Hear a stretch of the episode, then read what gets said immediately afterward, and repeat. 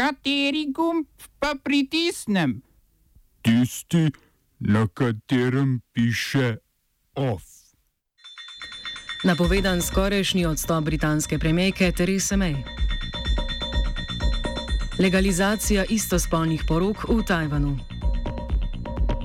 Slovenska policija beguncem sistematično kršila pravico do prošnje za azil. Britanska premijejka Theresa May je napovedala, da bo odstopila z čela konzervativne stranke Toricev po četrtem glasovanju o njenem predlogu Brexita v začetku junija, ne glede na izid. Spomnimo, da je britanski parlament o njenih predlogih Brexita glasoval že trikrat in ga vselej prepričljivo zavrnil. Prvič januarja s kar 230 glasovi večine, kar je največji poraz vladnega predloga v zgodovini Velike Britanije. Pričakovati gre, da bo zavrnjen tudi četrti predlog, saj so današnja pogajanja z opozicijsko laboristično stranko že propadla. Teresa May pa očitno vse bolj izgublja tudi podporo v lasni stranki.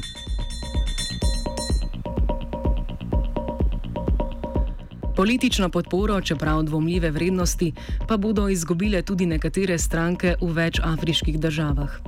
Facebook je v virtualni raciji izbrisal 265 osebnih računov, skupin strani in dogodkov povezanih z izraelsko družbo Archimedes Group.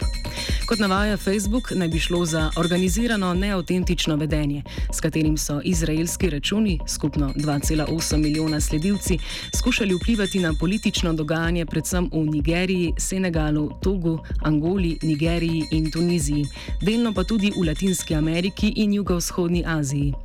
Med drugim so se pretvarjali, da so lokalne novičarske agencije. Gre za nov poskus Facebooka, da bi zajezil poplavo tako imenovanih lažnih novic, namenjenih politični manipulaciji. A odstraniti, odstraniti 265 strani na platformi, ki je idealna za širjenje lažnih novic, je brško ne zgolj kaplja v morje.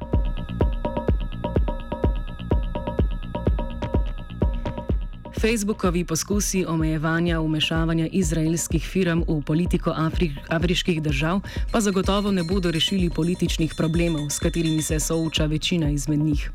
V Burundiju se od leta 2015 trajajoča politična kriza ponovno zaostruje in sicer z odločitvijo vrhovnega sodišča, da v tujini živečim opozicijskim aktivistom zapleni premoženje.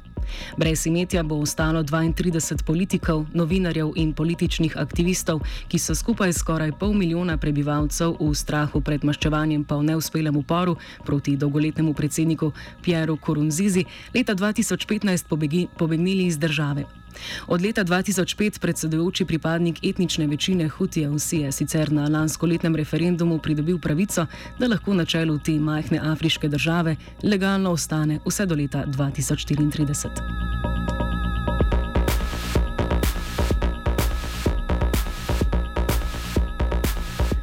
Ob današnjem dnevu boja proti homofobiji, transfobiji in bifobiji je tajvanski parlament skoraj dvotretinsko večino kot prva azijska država izglasoval legalizacijo porok istospolnih parov.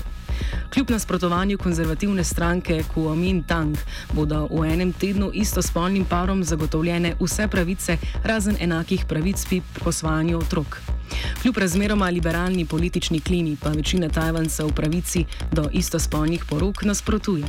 Na referendumu lansko leto je velika večina izrekla podporo definiciji družine kot zveze med moškim in žensko. Aktiviti, aktivisti za pravice istospolnih so napovedali, da ne bodo spali na lovorikah te pomembne zmage, pač pa bodo nadaljevali z bojem za popolno izenačitev pravic. Oba, če, če bom odgovoril na angliški.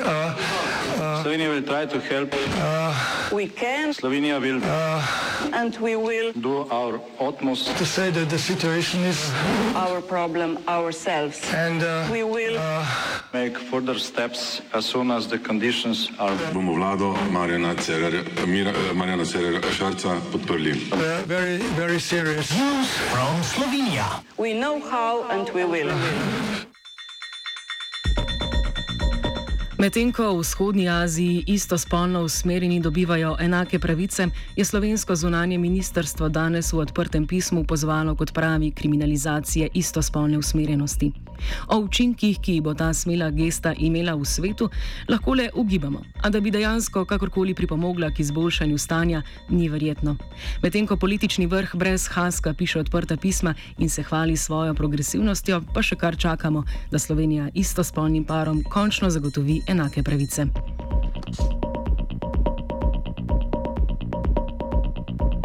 A istospolni niso edini, ki so jim v Sloveniji kršene pravice. Civilno-družbena inicijativa Infokolpa je danes predstavila poročilo o izvajanju policijskih postopkov na šengenski meji, v katerem je predstavila dokaze, da slovenska policija sistematično krši pravico beguncev do azilnega postopka, jih protipravno in samovoljno vrača čez mejo na hrvaško stran ter se nad njimi brutalno fizično izživlja.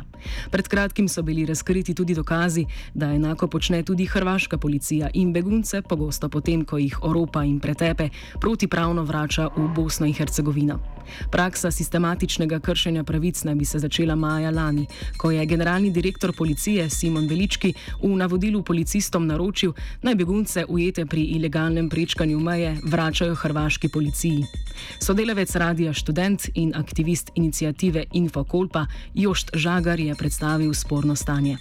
Primer na policijski postaji Črnomelj, Maja, uh, delež izraženih prošenj uh, za azil iz uh, 99 odstotkov, uh, torej glede na uh, število domnevno nezakonitih prehodov meje, iz maja padel na samo 3 odstotke v juniju. Ker takšen padec je, daje pač nek upravičen sum, da se je zgodilo to po nekem navodilu vrha policije. Policija trenutno uh, teh uh, depeš, ki zadevajo uh, ravnanje uh, policistov z begunci na meji, ne razkriva, čeprav uh, informacijska pooblaščenka uh, trdi, da, to, uh, da so ti dokumenti morajo biti javne narave. Uh, zaskrbljujoče je, da pristojne inštitucije, kljub temu, da obstajajo jasne informacije, da je prišlo do uh, nekih uh, nepravilnosti na meji, tega ne raziščajo. Uh, na varu človekovih pravic je v lanskem letu na obisku policijskih postaj v juniju potrdil prisotnost osebe na policijski postaji, ki je pričala, da, so, da so, je bila da je bila njihova skupina pretepena tudi z električnimi palicami na policijski postaji v Sloveniji. Teh okoliščin se nikoli ni raziskalo. E, to, kar se je dogajalo v lanskem letu, se še vedno nadaljuje. Več o tem sledi v kultivatorju o petih. Kolpa pa ni edini problematični vodotok v Sloveniji.